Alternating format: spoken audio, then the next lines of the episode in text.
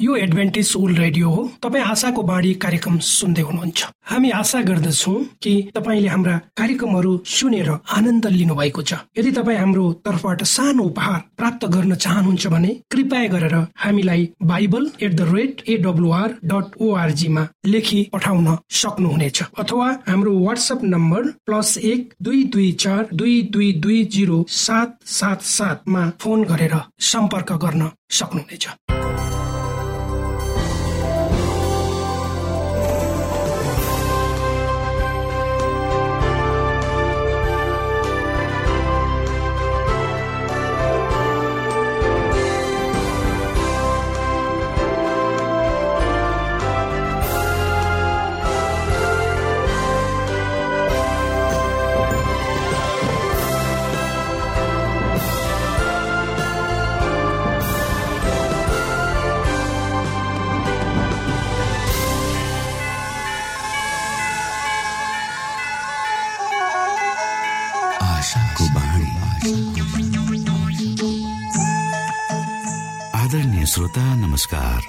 यो समय तपाईँ एडभेन्टिस्ट ओल्ड रेडियोको प्रस्तुति भोइस अफ होप आशाको बाणी कार्यक्रम सुन्दै हुनुहुन्छ।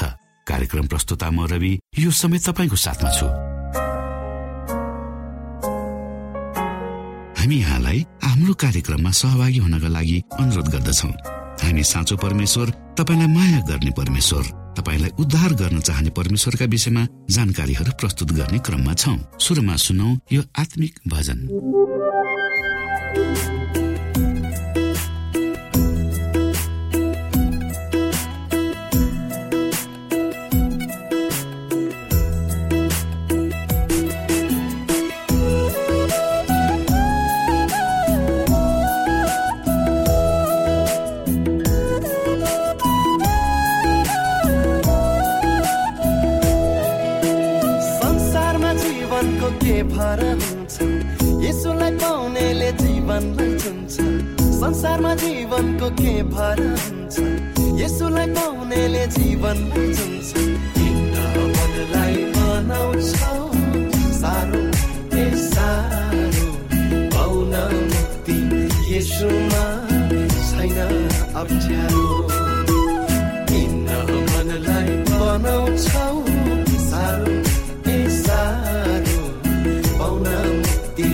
यसोमा अप्ठ्यारो।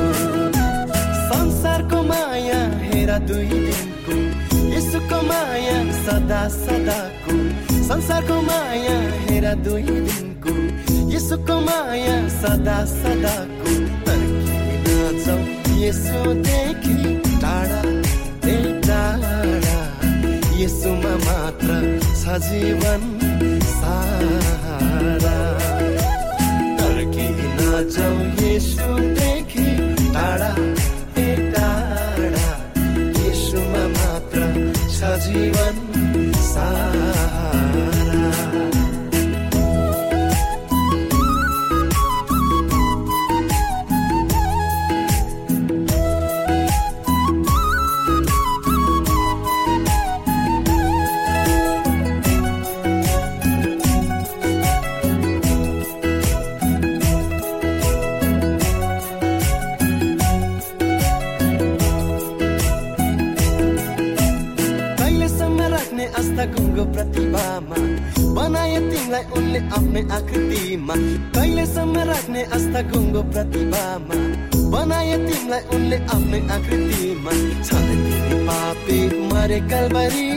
क्रुसमा ए क्रुसमा खोजी कहाँ हिँड्छु जीवन छ येसुमा।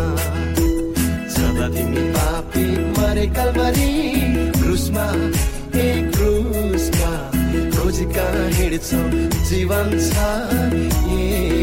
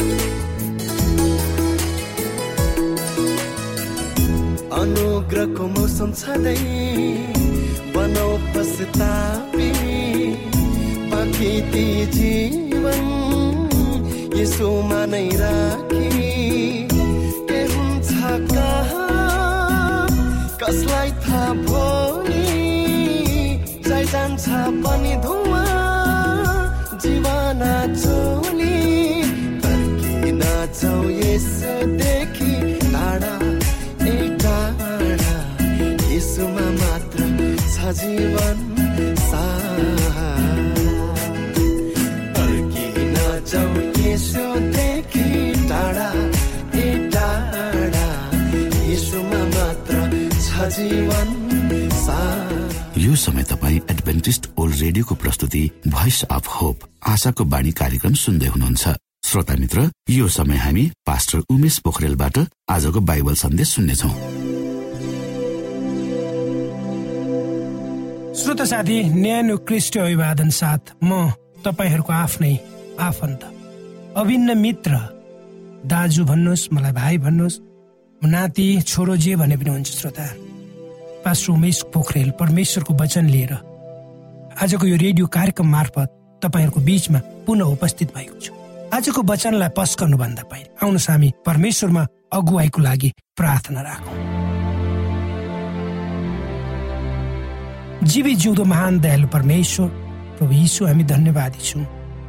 तपाईँको प्रेम र बलिदानको लागि हामी धन्यवादी छौँ प्रभु यो जीवन र जीवनमा दिनुभएका प्रशस्त आशिषहरूको लागि।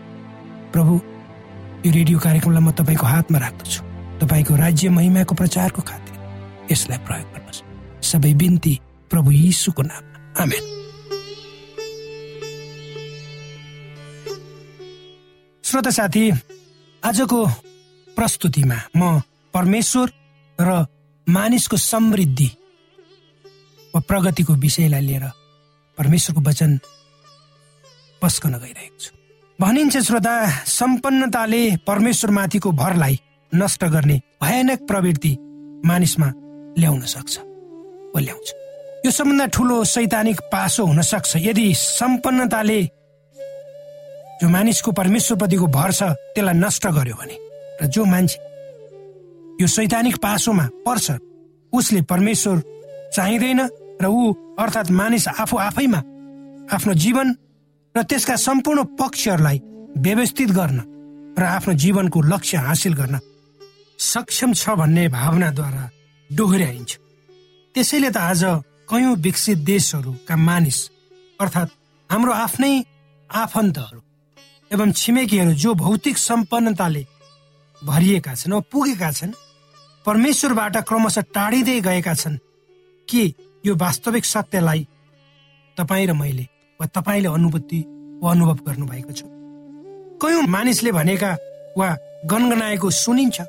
ओहो मसँग यति मात्र थियो भने म व्यर्थेमा उडाउँदिन।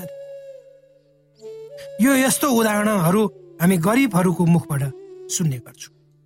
ती गरिब निमुखाहरू जसले असल काम इमान्दारी पूर्वक गर्छन् भने परमेश्वरको ठुलो आशिष तिनीहरूले प्राप्त गर्नेछन् भन्ने तिनीहरूलाई बुझाउँछु भनेर एक महिला अगाडि सर्छिन् र उनी परमेश्वरलाई प्रेम गर्छन् ती महिलाले। यद्यपि उनी गरिब छिन् र आफ्नो अभावमा पनि उनी परमेश्वरलाई दिन्छन्। जब ती महिलाले देख्छिन् उनका छिमेकी साथीभाइ नाता गोता जो समृद्ध छन् सम्पन्नताको माथलो शिखरमा पुगेका छन् तर जब परमेश्वरको विषयमा कुरा आउँछ तिनीहरूको भूमिका थोरै वा नगण्य भएको देख्छ। उनलाई दुःख लाग्छ। उनको चित्त कुडिन्छ श्रोत। तब परमेश्वरले उहाँका दूतहरूलाई यो महिलाको हेरचाह गर्नको लागि खटाउनुहुन्छ। र भन्नुहुन्छ परमेश्वरले आफ्ना दूतहरूलाई मैले ती महिलालाई दरिद्रताद्वारा सताए दुःख दिए तर उनले आफूलाई मबाट कहिले पनि अलग्ग गरिनन् अर्थात् मेरो विरुद्धमा उनी कहिले पनि गएनन्। अब म उनलाई समृद्धि दिएर आशिष दिन्छु। त्यसपछि कथा यसरी बढ्छ। जे कुरा ती महिलाले छोइन् त्यो सुन्भ अब उनले के गरिन् त? उनले आफ्नो घर पुनः निर्माण गरिन् त्यसभित्र भएका सम्पूर्ण कुराहरू पुनः सजाइन् र सबै सुख र विलासका कुराहरूले उनको घर भरियो। तब उनले परमेश्वरलाई भुलिन्। अर्थात् उनी परमेश्वरबाट टाढा भइन्। र जब उनी दरिद्रताबाट सताइएकी थिइन् जब उनी गरिब थिइन्। त्यति बेला उनको मनमा जो मान्छेहरू दुखी थिए गरिब थिए तिनीहरूप्रतिको भावना थिए ती गरिबहरूलाई ती दरिद्रहरूलाई ती असहायहरूलाई जब उनी आफ्नो अभावमा आफ्नो दरिद्रतापनमा मद्दत गर्न चाहन्थिन् र गर्थिन् ती कुराहरूबाट उनी अब पर भइन् जब उनीमा सम्पन्नता आयो तब उनले सबै कुरा बिर्सिन् तब उनको जीवनमा जब उनी अभावमा थिइन् श्रोता दुःखमा थिइन् त्यति बेला जुन खुसी थियो जो आनन्द थियो उनले गुमाइन् र त्यसको साथसाथै उनमा के भयो? खुसी र आनन्दको ठाउँ चिन्ता फिक्री पीर घमण्ड र द्वेषले लियो। अनि तिनै चिन्ता फिक्री घमण्डको कारणले उनी उनमा रोग लाग्यो र उनी छिट्टै यो संसारबाट बिदा भए। मानिस सम्पन्न होस् फल्दै फुल्दै वृद्धि हुँदै जाओस् यो परमेश्वरको इच्छा हो। तर मानिस जब सम्पन्न हुन्छ फल्दै फुल्दै वृद्धि हुन्छ त्यो सम्पन्नतामा मानिसले परमेश्वरलाई नभुलोस् र उसले प्राप्त गरेको सम्पन्नता छ। आशिष छ मानिसले परमेश्वरको खातिरमा जो मान्छेसँग छैन तिनीहरूमा बाँडोस् प्रयोग गरोस्। त्यो परमेश्वरको सदिच्छा। प्रत्येक मानिस जसले परमेश्वरमाथि आफ्नो भरोसा राख्छ ऊ सम्पन्न होस्। उसको मुहारमा परमेश्वरको प्रेम र आनन्द सदा चम्किरहोस् र जो जो मानिसहरूसँग उसको सम्पर्क हुन्छ अर्थात् जो जो मान्छेहरू उसको सम्पर्कमा आउँछन् ती मानिसहरूले उसलाई उसको आशिषहरूका मुहानहरू के के हुन् भनी सोधुन्। यो परमेश्वरको सदिच्छा हो श्रोता। तपाईँ हाम्रो जीवनबाट। तपाईँ हाम्रो सम्पन्नता। तपाईँ हाम्रो राम्रो स्वास्थ्य। र यो चम्किलो मुहार छ। र हामी एउटा निर्दिष्ट भविष्य लिएर अगाडि बढेका मान्छेहरूबाट परमेश्वरले यही चाहनुहुन्छ। कि हामी मात्र आशिषित हुने होइन। हामीले प्राप्त गरेको आशिष। हामीले अरूलाई बाँड्न सकौँ। हामीबाट पनि मानिसहरूले परमेश्वरलाई चिनुन्। हामीले ज जसले ती परमेश्वरका आशिषहरू प्राप्त गर्छन् ती आशिषहरूद्वारा हामीले प्राप्त गर्ने मानिसहरूले अरू मानिसहरूलाई परमेश्वरसँग वा परमेश्वरतिर हामीले डोर्याउनु पर्छ किनभने प्रत्येक राम्रो कुरा र सिद्ध उपहार परमेश्वरबाट मात्र पाइन्छ। संसारबाट होइन श्रोता। कल्पना गरौँ। एउटा यात्री लामो आफ्नो यात्रा पूर्वबाट सुरु गरी पश्चिममा पुर्याउँछ। वा पुग्छ। अन्त्य गर्छ। थकित यात्री एउटा होटलमा आफ्नो झोला बिसाउँछ र केही समयको विश्रामपछि त्यस होटलको मालिकसँग वार्तालाप गर्छ। एउटा कुराले मेरो मनमा र प्रश्न गरिरहेको छ। यात्री भन्छ होटलको मालिकले के कुरा भन्नुहोस् न भनेर भन्छन्। भन्छ। हेर्नुहोस् मैले मेरो यात्रा यत्रो लामो यात्राभरि जहाँ जहाँ गएँ र मानिसहरूलाई भेटेँ कसैलाई पनि यस्तो खुसी र स्वस्थ मानिस पाइन जसरी तपाईँको यो ठाउँमा मैले पाएँ। कसरी तपाईँहरू यति खुसी र स्वस्थ हुनुहुन्छ? यात्रीले प्रश्न लामो सास फेर्दै होटल मालिक भन्छ किनकि यो सबै परमेश्वरको कारणले हो। परमेश्वरले गर्दै नि हामी स्वस्थ र खुसी छौँ।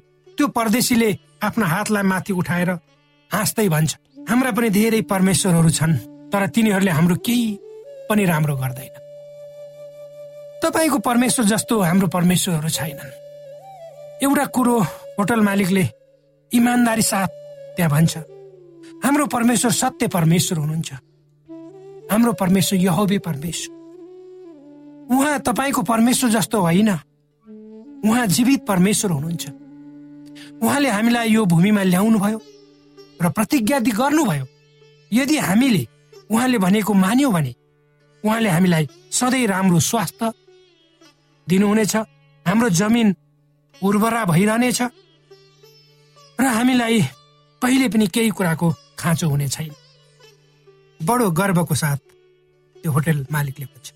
तपाईँलाई थाहा छ उहाँले हामीलाई हाम्रो खेती हामीलाई चाहिएको बेला पानी दिनुहुन्छ? उक्त यात्रीले आश्चर्य मानेर लामो सास फेरेर भन्छ कृपया गरी तपाईँको परमेश्वरको विषयमा मलाई अझै भन्नुहोस् न। र मलाई म चाहन्छु तपाईँको परमेश्वरको खाँचो हाम्रो गाउँमा छ र म उहाँलाई मेरो गाउँमा लान चाहन्छु। हो श्रोता हाम्रो परमेश्वर बाइबलको परमेश्वर जीवित र सत्य परमेश्वर हुनुहुन्छ। उहाँले आफ्ना जनहरूलाई कुनै कुराको अभावमा राख्नुहुन्न। आज उक्त यात्री झै धेरै मानिसहरू प्रभु यीशुको बारेमा सुनेका छैनन्। आज उक्त यात्री झै धेरै मानिसहरूले प्रभु यीशुको बारेमा सुनेका छैनन्। अर्थात् हाम्रो सत्य र जीवित परमेश्वरको बारेमा सुनेका छैन यदि तिनीहरूले सुन्न सके र तपाईँ हामीले उनीहरूलाई सुनाउन सक्यौँ भने उनीहरूले पनि भन्नेछन्। हाम्रो गाउँमा यस्तै परमेश्वर हामीलाई चाहिएको छ।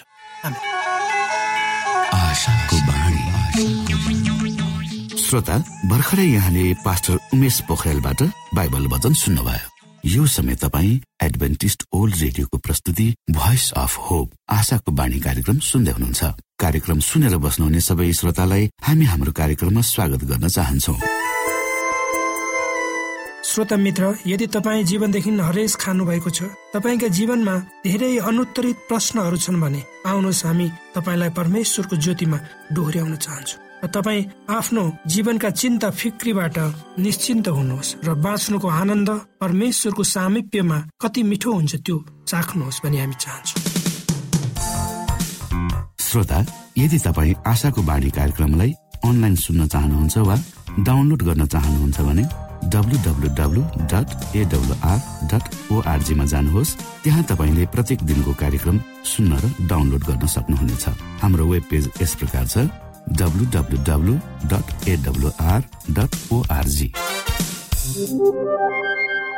श्रोता यदि तपाईँ हामीसित सिधै फोनमा सम्पर्क गर्न चाहनुहुन्छ भने हाम्रा नम्बरहरू यस प्रकार छन्। अन्ठानब्बे एकसाठी पचपन्न शून्य एक सय बिस। अन्ठानब्बे एकसाठी पचपन्न शून्य एक सय बिस। र अर्को अन्ठानब्बे अठार त्रिपन्न पन्चानब्बे पचपन्न। अन्ठानब्बे अठार त्रिपन्न पन्चानब्बे पचपन्न। श्रोत साथी न्यानो अभिवादन म तपाईँको आफ्नै आफन्त पास्टर उमेश पोखरेल। क्षमा भन्ने एउटा शीर्षक लिएर तपाईँको अगाडि उपस्थित भएको छु।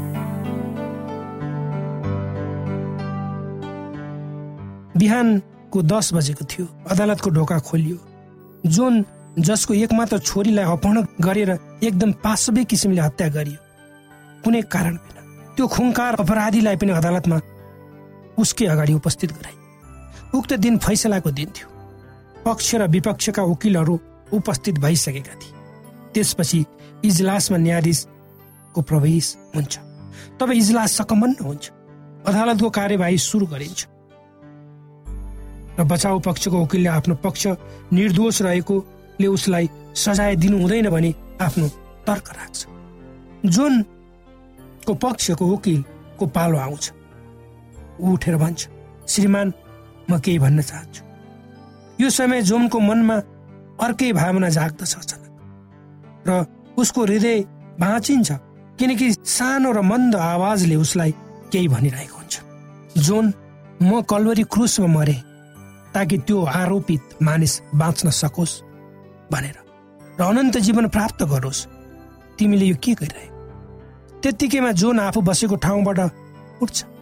र आफ्नो वकिलले केही भन्नुभन्दा पहिले नै आरोपित मानिसलाई छोडिदिनुहोस् भनी न्यायाधीशसँग अनुरोध गर्दछ। यदि जोनले आफ्नो छोरीको हत्यारालाई क्षमा दिन सक्यो भने तपाईँ म के गर्ने त? कि हामी पनि आफ्नो विरुद्धमा अपराध गर्नेहरूलाई क्षमा दिन सक्छौँ त? के बदला लिने काम हाम्रो हो त? अरूलाई नष्ट गर्न हामीले खराब योजना बनाउनु जायज हो त?